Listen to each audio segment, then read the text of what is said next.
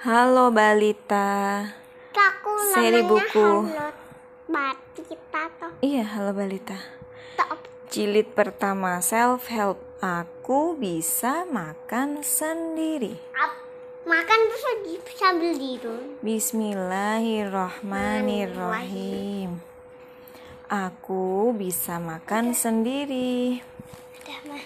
Sali makan siang Udah yuk. mah, yuk. Ajak ibu. Asyik, perut Sali sudah lapar bu.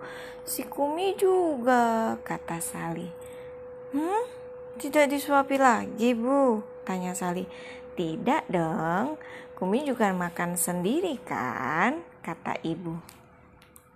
Sali menyendok nasi hingga berceceran. Sali nggak bisa bu, kata Sali.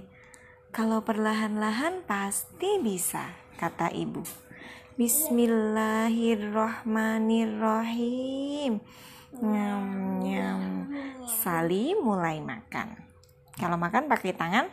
Tangan. Iya. Bukan tangan kiri nek, tangan Bu, kiri buat tadi mm, nyam, Sali nyam, kata Sali. Kalau Sali bicara sambil makan.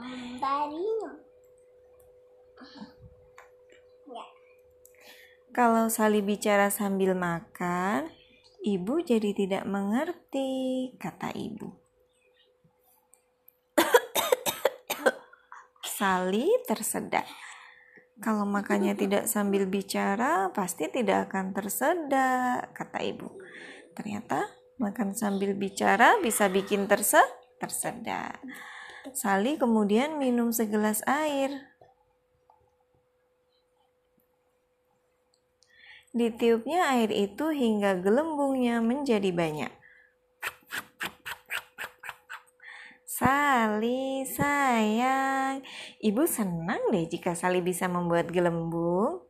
Tapi tidak pada saat minum ya, kata ibu. iya bu, kata Sali. Sali kemudian melempar sepotong ikan untuk Kumi. Hap, Kumi menangkapnya. Wah, lemparan Sali sangat bagus, kata ibu. Coba Sali? jauh. Hmm. Sali pasti bisa jadi pemain basket yang hebat. Tapi kalau makanan tidak boleh dilempar ya. makanan tidak boleh dilempar ya, Bu? Tanya Sali. Iya, tidak, Bo. Tidak boleh melempar Makanan. Om. Trang, tring, trang. Sendok dan piring Sali berbunyi. Wah, wah, wah.